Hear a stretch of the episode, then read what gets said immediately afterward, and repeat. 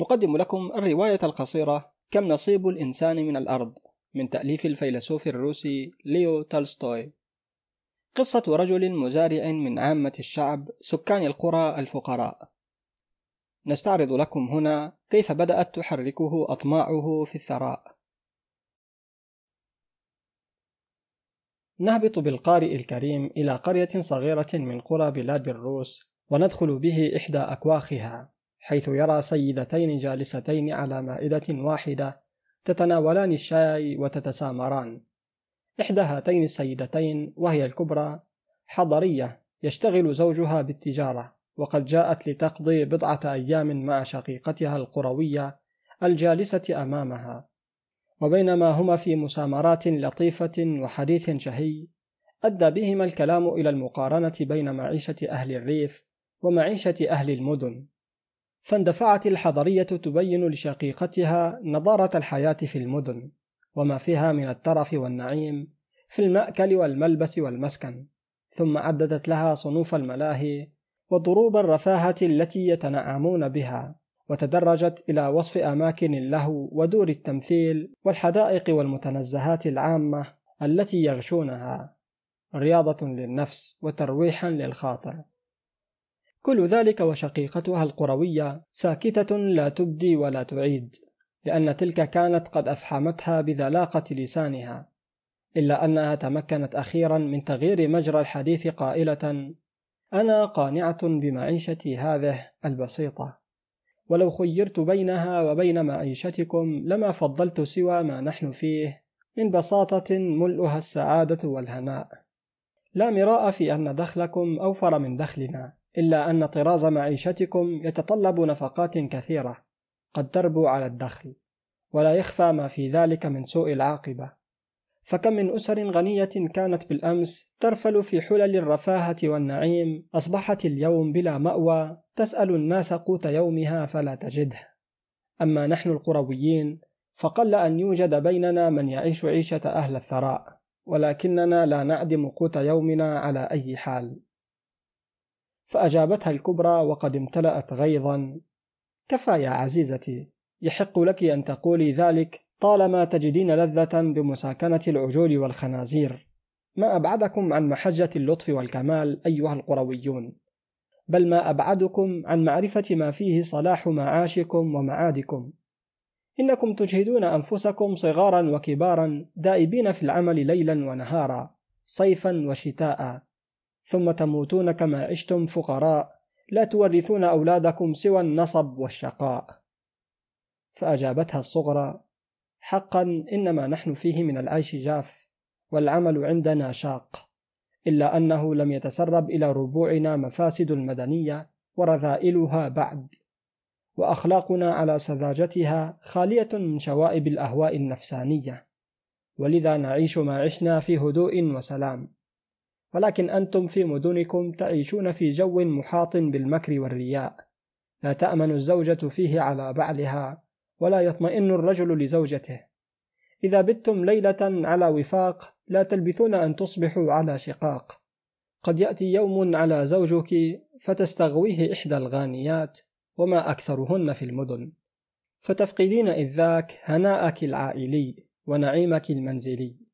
أو يوسوس له الشيطان بمعاقرة بنت الحان فيصبح من مدمنيها فيضل سواء السبيل أو يسوقه الطمع إلى موائد القمار وهناك البلية والدمار. ثم غيرت المرأتان مجرى الحديث وخاضتا في حديث آخر خاص بالأزياء وكانتا قد أتمتا تناول الشاي فقامتا تستعدان للنوم إذ كان النعاس قد أثقل أجفانهما. أما رب المنزل باهوم فكان جالسا على الموقدة يسمع حوار المرأتين طوال تلك المدة. ثم ناجى نفسه قائلا حقا إن شقيقة زوجتي على حق في بعض ما تقول. فإن القرويين نعيش ما عشنا في تعب ونصب.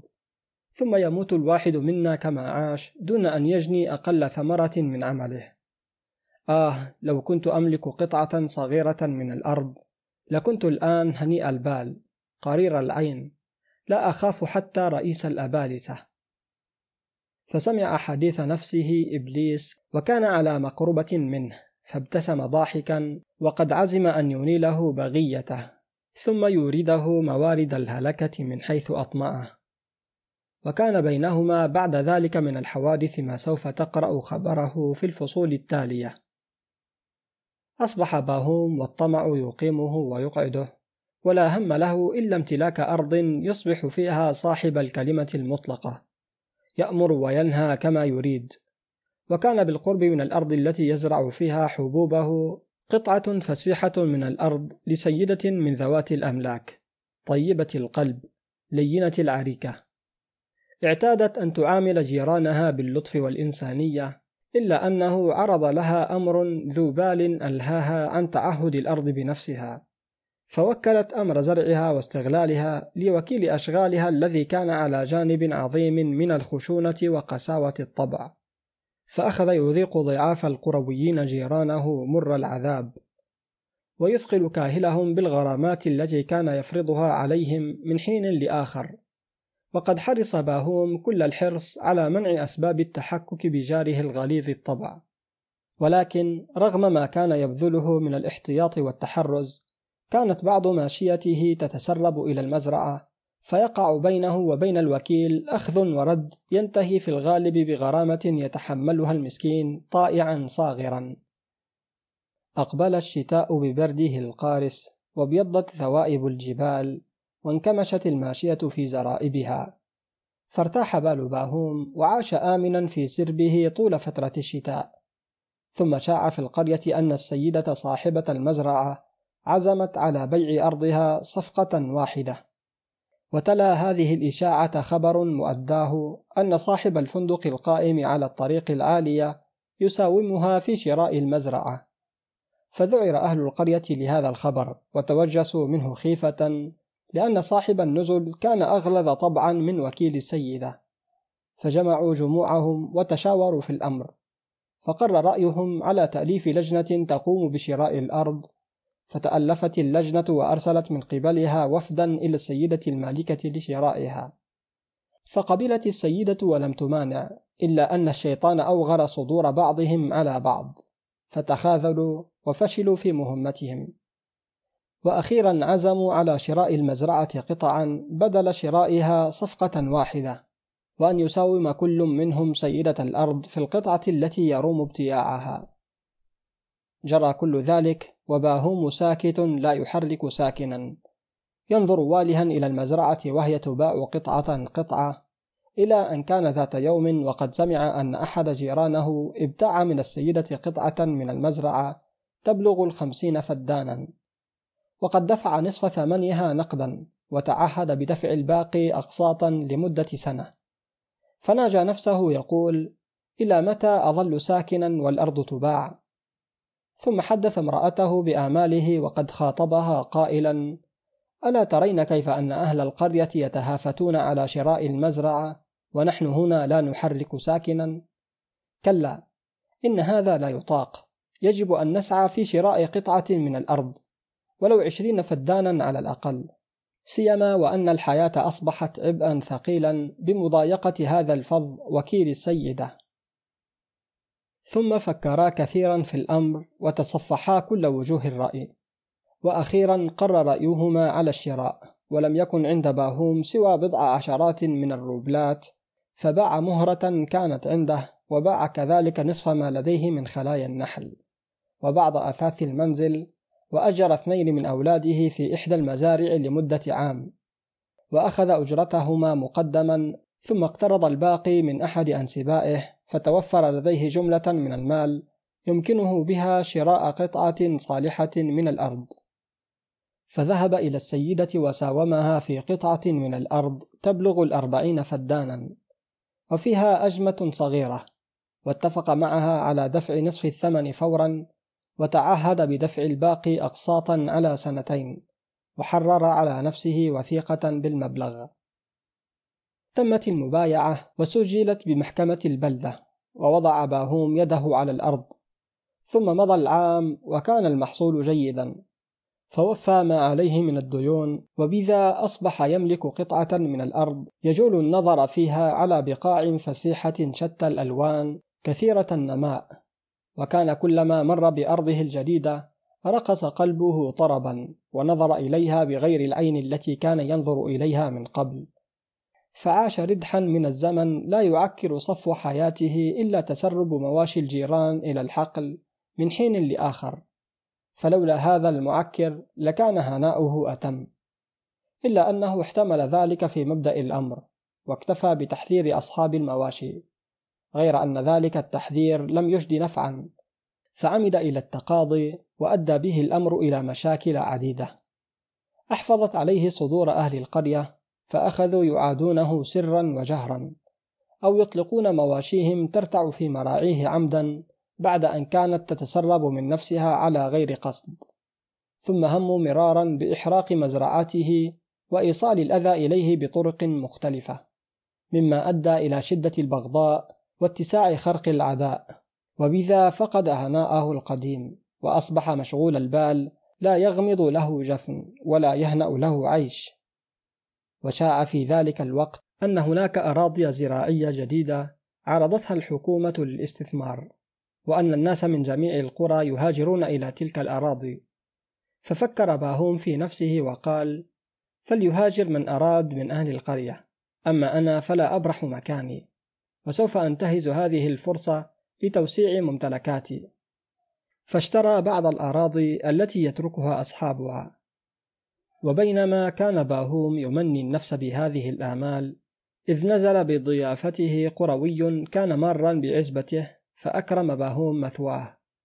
فسأله أين كان فأخبره القروي أنه كان يشتغل في جهات الفولغا حيث الأراضي التي كانت تستعمر حديثا هناك.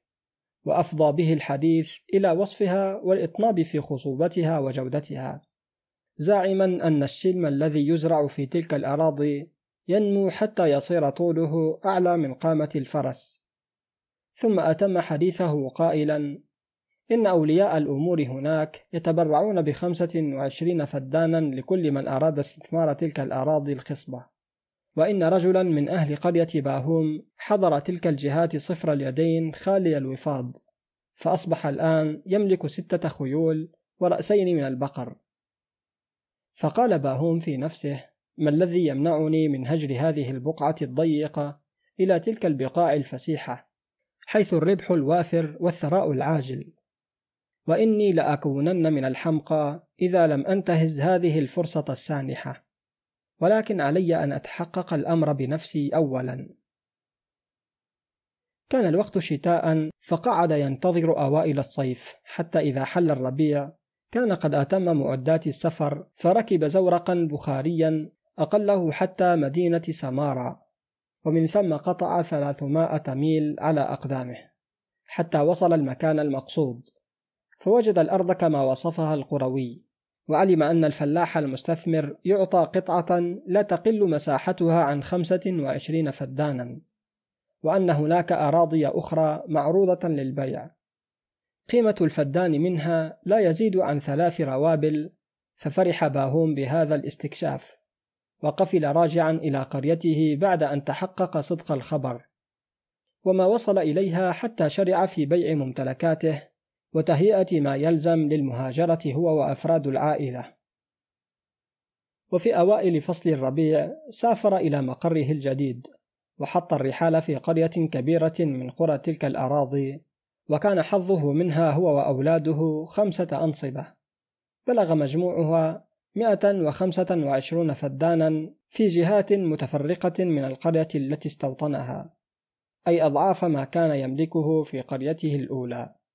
فأصبح لديه حقل واسع ومرعى فسيح ترتع فيه كثير من الماشية. ثم مضت أيام اشتغل أثناءها باهوم بتخطيط المزرعة وبناء العزبة وشراء الدواب اللازمة للعمل. ولذا كان في مبدأ هجرته قانعا بحياته الجديدة فرحا بما رزقه الله إلا أنه ما كاد يتم ما شرع فيه حتى تسلط عليه الطمع ثانيا فصار ينظر إلى أرضه الجديدة بعين الاستصغار. زرع في عامه الأول قمحا فكان المحصول جيدا فطمع في الزيادة. غير أن الأرض لم تسعفه لأنها كانت تتفاوت في الخصوبة فلا تصلح جميعها لزراعة القمح. فعول على إيجار أراض أخرى تصلح لذلك. ففعل إلا أن ذلك لم يرق في عينه أيضا. فكان يشكو من بعد الأرض وصعوبة النقل.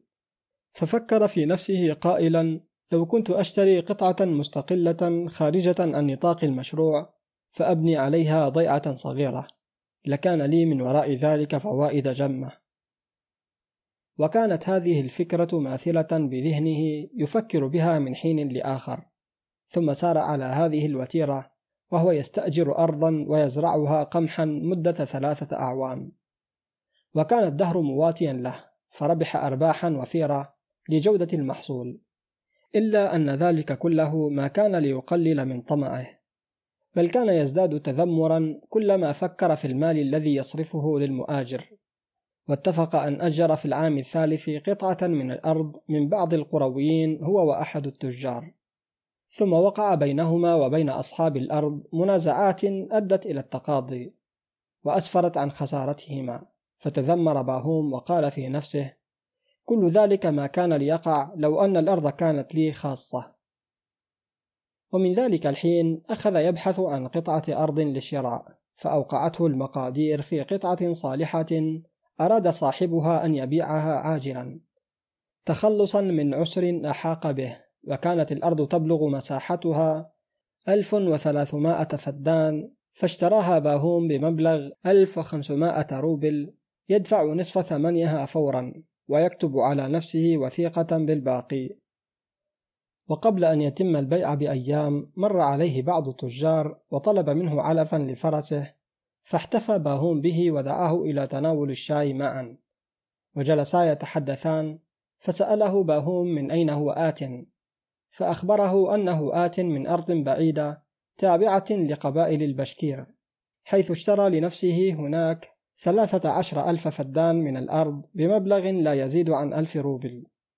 فدهش باهوم واستزاده الخبر فقال الرجل وما على المرء إلا أن يتودد إلى الرؤساء بهدايا فيمنحونه كل ما يطلب. وقد اشتريت لهم ملبوسا وسجادة وعلبة من الشاي وبعض النبيذ وهدايا أخرى. كلفني مجموعها نحو مائة روبل. وبهذه الوسيلة أكرمني الرئيس بأن تنازل عن ثمانية كابيك في ثمن الفدان الواحد.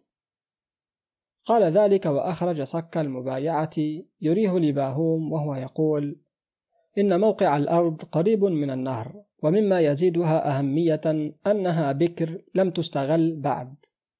فافتتن باهوم بأقوال الرجل ولم يتمالك عن استزادته الحديث والإلحاف عليه بالسؤال. فأجابه الرجل إن هؤلاء القوم يملكون من الأرض ما لا يقع تحت حصر ولا عد وهم على جانب عظيم من السذاجة وبلادة الطبع. ليس للأرض عندهم أدنى قيمة. فأطبق خاتم الحرص على قلب باهوم وناجى نفسه قائلا أنا الآن أملك ألف روبل فأي شيء يجبرني على شراء قطعة من الأرض؟ مساحتها ألف وثلاثمائة فدان بينما يمكنني شراء عشرة أضعاف هذا المقدار بنفس المبلغ دون أن أثقل كاهلي بالدين. لم يتردد باهوم في الأمر لحظة واحدة بل ما كاد الرجل يفارق الضيعة حتى كان هو وخادمه على الطريق الموصلة إلى قبائل البشكير ليتحقق الأمر بنفسه. وبعد مسيرة بضع ساعات حط رحاله في إحدى القرى ليشتري صندوقا من الشاي وبعض النبيذ وهدايا أخرى كما أوصاه الرجل. ثم واصل سيره حتى انتهى إلى مكان القبيلة بعد أن قطع مسافة لا تقل عن ثلاثمائة ميل. فوجد الأمر كما وصفه الرجل ورأى أن القوم يسكنون الخيام بالقرب من مزارع فسيحة يخترقها نهر عظيم. وجل معيشتهم على اللحوم ومستخرجات الألبان ولا يعنون بزراعة الأرض وغرسها مطلقا. والنساء هن اللواتي يقمن بكل الأعمال. أما الرجال فلا هم لهم إلا الأكل وشرب الشاي والضرب على القيثارة وكلهم أقوياء البنية صحاح الأجسام. يقضون فصل الصيف باللهو واللعب ولا يباشرون فيه أي عمل من الأعمال وهم على درجة عظيمة من السذاجة وبلادة الطبع ولا يعلمون من الروسية حرفا واحدا. وإنما يتكلمون بلغة خاصة بهم. ومن عاداتهم الجميلة إكرام وفادة الغريب إذ ما كاد يقع نظرهم على باهوم حتى خرجوا من خيامهم والتفوا حوله صغارا وكبارا يتأملون وجهه. وكان بينهم رجل يتكلم بالروسية فتوسط بينه وبين قومه وسأله عن قصده. فأخبره باهوم أنه جاء ليصيب عندهم بعض الأرض ففرحوا بذلك وأخذوا بيده إلى إحدى الخيام الكبيرة حيث أجلسوه على وسادة وثيرة وقدموا له أعز ما لديهم من المأكل والمشرب. وبعد الانتهاء من الطعام قام باهوم إلى عربته وأخرج ما كان لديه من الهدايا ووزعها عليهم بالتساوي. فارتسمت على وجوههم أمارات البشر والسرور. وأخذوا يتكلمون فيما بينهم مدة طويلة. وأخيرا أشركوا الترجمان في الحديث فالتفت هذا إلى باهوم وقال له قد سر القوم من هديتك أيما سرور ويشكرونك كثيرا على هذا الصنيع. ومن عادتهم إكرام الضيف بكل ما في وسعهم فاطلب ما تريده منهم لقاء هديتك. فإنهم لا يتأخرون لحظة واحدة عن إسعافك بمرغوبك. فأجابه باهوم جل رغبتي هو أن أصيب عندكم قطعة من الأرض لزرعها واستثمارها لأن الأرض عندكم خصبة للغاية. فأخبرهم الترجمان بما يقول فعادوا إلى حديثهم ثانيا وكان باهوم يجهل لغة القوم وإنما رآهم يبتسمون ويضحكون. ثم التفت إليه الترجمان قائلا يقولون إنهم سوف يعطونك بكل سرور قدر ما تطلب من الأرض. فما عليك إلا أن تشير بيدك إلى قطعة الأرض التي تريدها لنفسك فتكون لك. وما كاد الرجل يتم حديثه حتى قامت ضجة بين القوم فسأل باهوم عن جلية الأمر فأخبره الوسيط أن القوم قد انقسموا إلى فريقين. فريق منهم يريد ألا يبت في الأمر حتى يحضر الرئيس وآخرون يخالفونهم في الرأي. وبينما هم في جلبتهم وضوضائهم إذ برجل ضخم الجثة عريض الأكتاف يلبس قبعة كبيرة من فرو الذئاب قد دخل من باب الخيمة فوجم القوم وسكتوا كأنما على رؤوسهم الطير وقد قاموا إجلالا لشأن القادم وإكبارا لأمره. فأخبره الترجمان أن القادم هو رئيس القوم فقام باهوم مسرعا وأحضر له نصيبه من الهدية وهي خمسة أرطال من الشاي وبعض الثياب النفيسة. فتقبلها الرئيس شاكرا وجلس في صدر المكان والتف القوم حوله يحدثونه بشأن باهوم فأشار إليهم بالسكوت ثم التفت إليه يخاطبه بالروسية. أخبرني القوم بشأنك وما كنت لأرد لك طلبا. فاختر القطعة التي ترضاها لنفسك فإن لدينا كثيرا من الأرض كما ترى. فقال باهوم في نفسه كيف أقبل منه ذلك بمجرد القول بلا قيد ولا شرط؟ ألا يجوز أنهم يندمون في المستقبل فيرجعون ما وهبوه لي من الأرض؟ ثم خاطب الرئيس قائلا أقدم لكم جزيل الشكر على هذا الإكرام ولكن ألا يجدر بنا أن نستوثق الأمر بحجة أو سند؟ فإن الأعمار بيد الله والمرء لا يأمل أن يخلد طول الدهر. ألا يجوز أن يأتي بعدكم خلف لا يرضى بعملكم فينازعنا في الأرض؟ فأجابه الرئيس إنك محق فيما تقول وسوف يكون الأمر كما تريد. فقال باهوم بلغني أن أحد التجار اشترى منكم من عهد قريب قطعة من الأرض وأخذ عليكم عقدا بالبيع وأنا أحب أن تعاملوني بمثل معاملته. فأجابه الرئيس حبا وكرامة عندما يتم الاتفاق نكتب عقدا بذلك ثم نسجله في محكمة البلدة. فسأله باهوم وكم يكون الثمن؟ فأجابه الرئيس بقوله إن الثمن عندنا محدد لا يتغير فإننا نأخذ ألف روبل عن اليوم الكامل. فلم يفهم باهوم ماذا أراد بقوله اليوم الكامل فسأله مستفهما ماذا تعني باليوم الكامل؟ وكم فدانا يكون؟ فأجاب الرئيس نحن لا نستعمل المقاييس في مسح الأرض وإنما نقدرها بالسير فيها يوما كاملا وثمن الأرض التي يقطعها المرء مشيا على أقدامه يوما كاملا هو ألف روبل. ففرح باهوم وصاح قائلا ولكنني أقطع في اليوم أرضا كبيرة للغاية. فأجاب الرئيس كل ما تسير على قدر جهدك يكون ملكا لك. على شرط الرجوع قبل غروب الشمس. فإذا غربت الشمس ولم ترجع تخسر جميع ما تدفعه من المال. فقال باهوم ولكن كيف السبيل إلى معرفة الأرض التي أقطعها؟ فأجابه قائلا إن ذلك سهل ميسور. عليك أن تختار لنفسك بقعة من الأرض تسير منها وعند كل ثنية من الأرض تحفر حفرة صغيرة. تجعل بجانبها كومة من التراب بفأس صغير يكون معك لهذا الغرض. وعند الانتهاء نصل نحن تلك العلامات بحراثة دائر في الأرض التي تقطعها في اليوم. ولك مطلق الحرية في أن تسير في الأرض كما تريد على شرط الرجوع قبل غروب الشمس.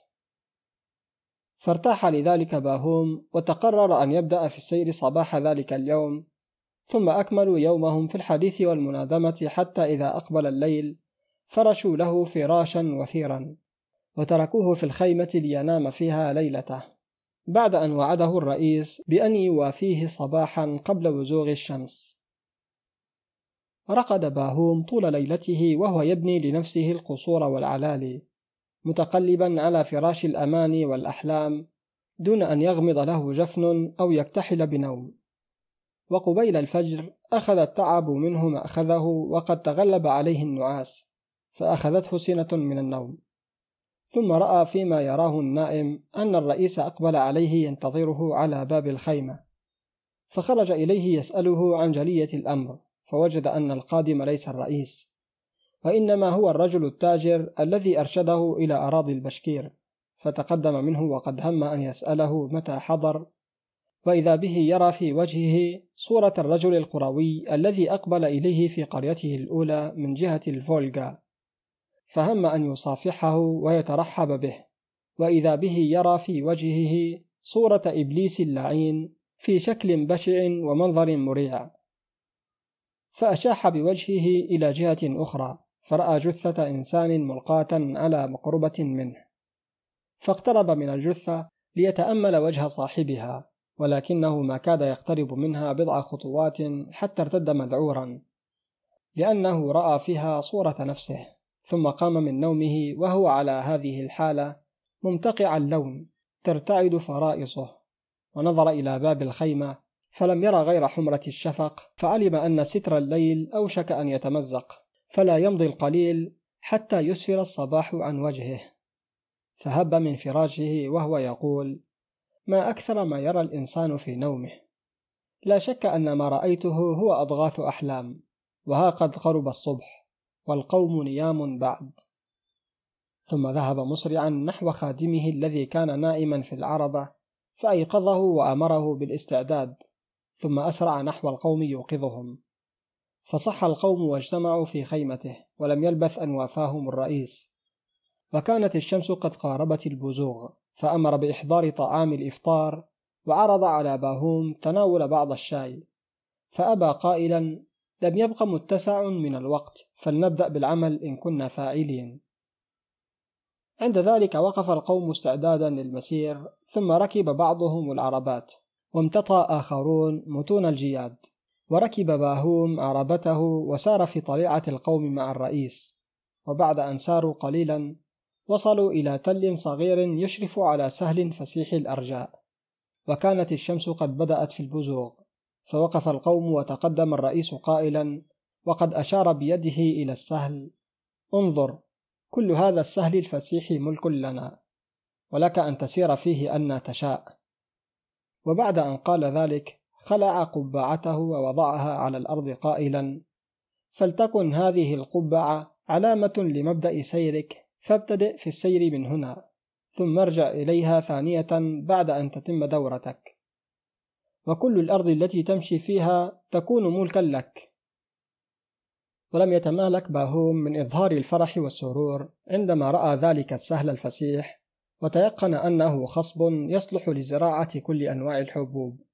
ثم أسرع من وقته فوضع ما لديه من النقود وهو الألف روبل في قبعة الرئيس. ثم طرح رداءه الخارجي وشمر عن أكمام قميصه ليكون خفيف الحمل في السير وتمنطق بسير من الجلد شده على وسطه وحمل على ظهره حقيبة صغيرة فيها بعض الزاد وما يلزم لشربه ذلك اليوم. ثم أمسك بالفأس والتفت يمنة ويسرة ليختار له وجهة للسير وبعد أن وقف برهة ناجى نفسه قائلا كل الأرض سواء. ولكن يحسن بي أن أسير نحو الشرق.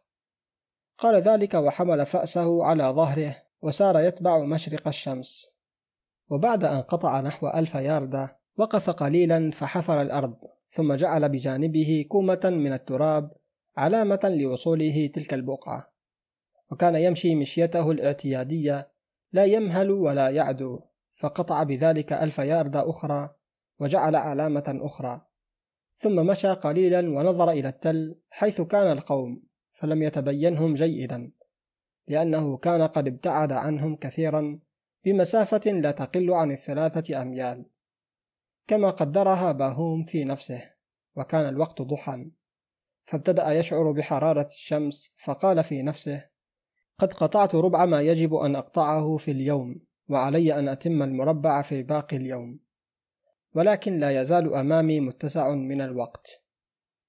قال ذلك وخلع عليه وربطهما في وسطه ليرتاح في المشي ثم سار في وجهته الأولى وكان كلما سار وجد الأرض أخصب والتربة أجود فقال في نفسه إنه من الحمق ترك هذه البقعة الخصبة.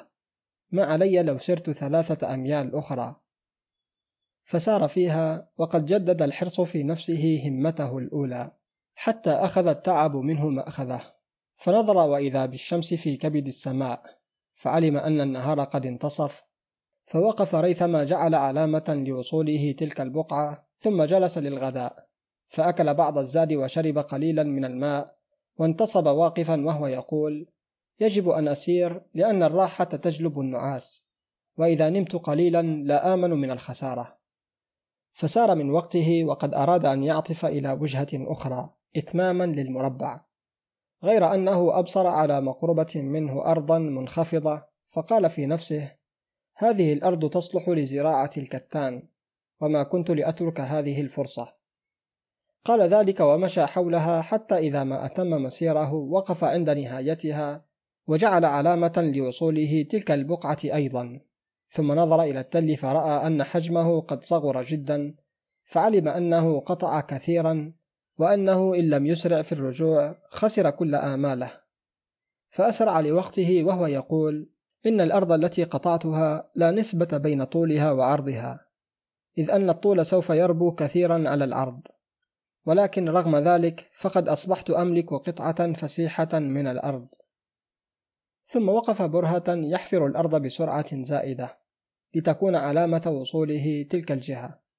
وبعد أن أتم آمله انعطف نحو التل يريد الرجوع مسرعا إلا أن كثرة المشي وشدة الحر أنهكتا قواه فصار يمشي بصعوبة ويتهادى في مشيته كالشيخ الضعيف بعد أن كان يهرول.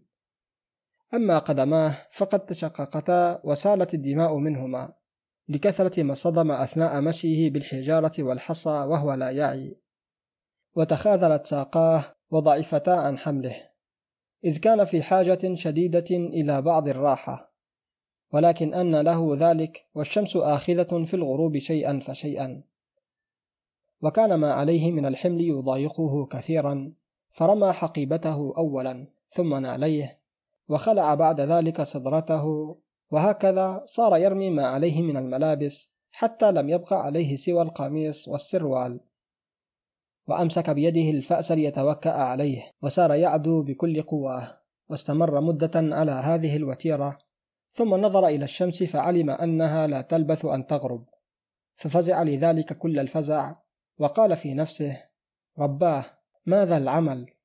يخيل لي أن الطمع سيفسد علي كل آمالي غير أنه ما لبث أن تشجع قائلا عار علي أن أرجع عن عزمي فأتقاعد عن السير بعد أن قطعت هذه الشقة الطويلة. فجمع نفسه وسار يمشي بكل قوته حتى قارب التل فسمع صياح القوم من بعد فتشجع ثانية وأخذ يعدو بكل ما فيه من قوة وعزم. وكانت الشمس قد قاربت الغروب فلا تمضي بضع دقائق حتى تختفي عن الأنظار إلى ما وراء الشفق الأحمر. إلا أن باهوم كان في ذلك الوقت على مسيرة بضع خطوات من سفح التل يسمع صياح القوم ويميز أصواتهم ويرى قبعة الرئيس عند ذلك تذكر ما رآه في الحلم فقال في نفسه حقا إن الأرض التي قطعتها فسيحة الأرجاء بعيدة المدى ولكن هل كتب لي في لوح المقدور أن أعيش عليها؟ ثم عاد فتذكر أنه على قيد خطوات من مبدأ مسيره وأنه ما عليه إلا أن يجمع عزيمته ثانية فيصل إليها ويملك الأرض. فجددت هذه الأماني في نفسه ميت الأمل فسار طورا يتهادى كالشيخ الضعيف وتارة يحبو كالطفل الرضيع حتى وصل سفح التل. عند ذلك نظر وإذا بالشمس قد غربت وأصبح السهل في ظلام حالك. فتقطعت نياط قلبه وصاح يقول أواه قد ذهبت أتعابي أدراج الرياح إلا أن القوم لم ينقطعوا عن صياحهم وندائهم. فتذكر أن مكانهم أعلى من مكانه لأنه ما زال في سفح التل وأن الشمس لا تزال ظاهرة لديهم. فتنفس الصعداء وجمع كل ما لديه من قوم وعزم وأخذ يصعد التل. ووصل القمة وكانت الشمس لا تزال ظاهرة لديهم. ثم عاد فتذكر ما رآه في الحلم فصرخ صرخة مزعجة وارتمى على الأرض بالقرب من قبعة الرئيس وقد وضع يده عليها. فقال الرئيس إنه سعيد الحظ فقد أصاب قطعة كبيرة من الأرض. ثم أسرع خادم باهوم ليرفعه عن الأرض ولكنه ما كاد يرفعه قليلا حتى سال الدم من فمه وارتمى على الأرض جثة هامدة. فوجم القوم وأطرقوا برؤوسهم إلى الأرض وقد ارتسمت على وجوههم أمارات الكآبة والحزن. وقام خادم باهوم فحفر لسيده قبرا يبلغ طوله ستة أقدام وكان ذلك كل نصيبه من الأرض. انتهت الرواية القصيرة كم نصيب الإنسان من الأرض؟ من تأليف الفيلسوف الروسي ليو تولستوي.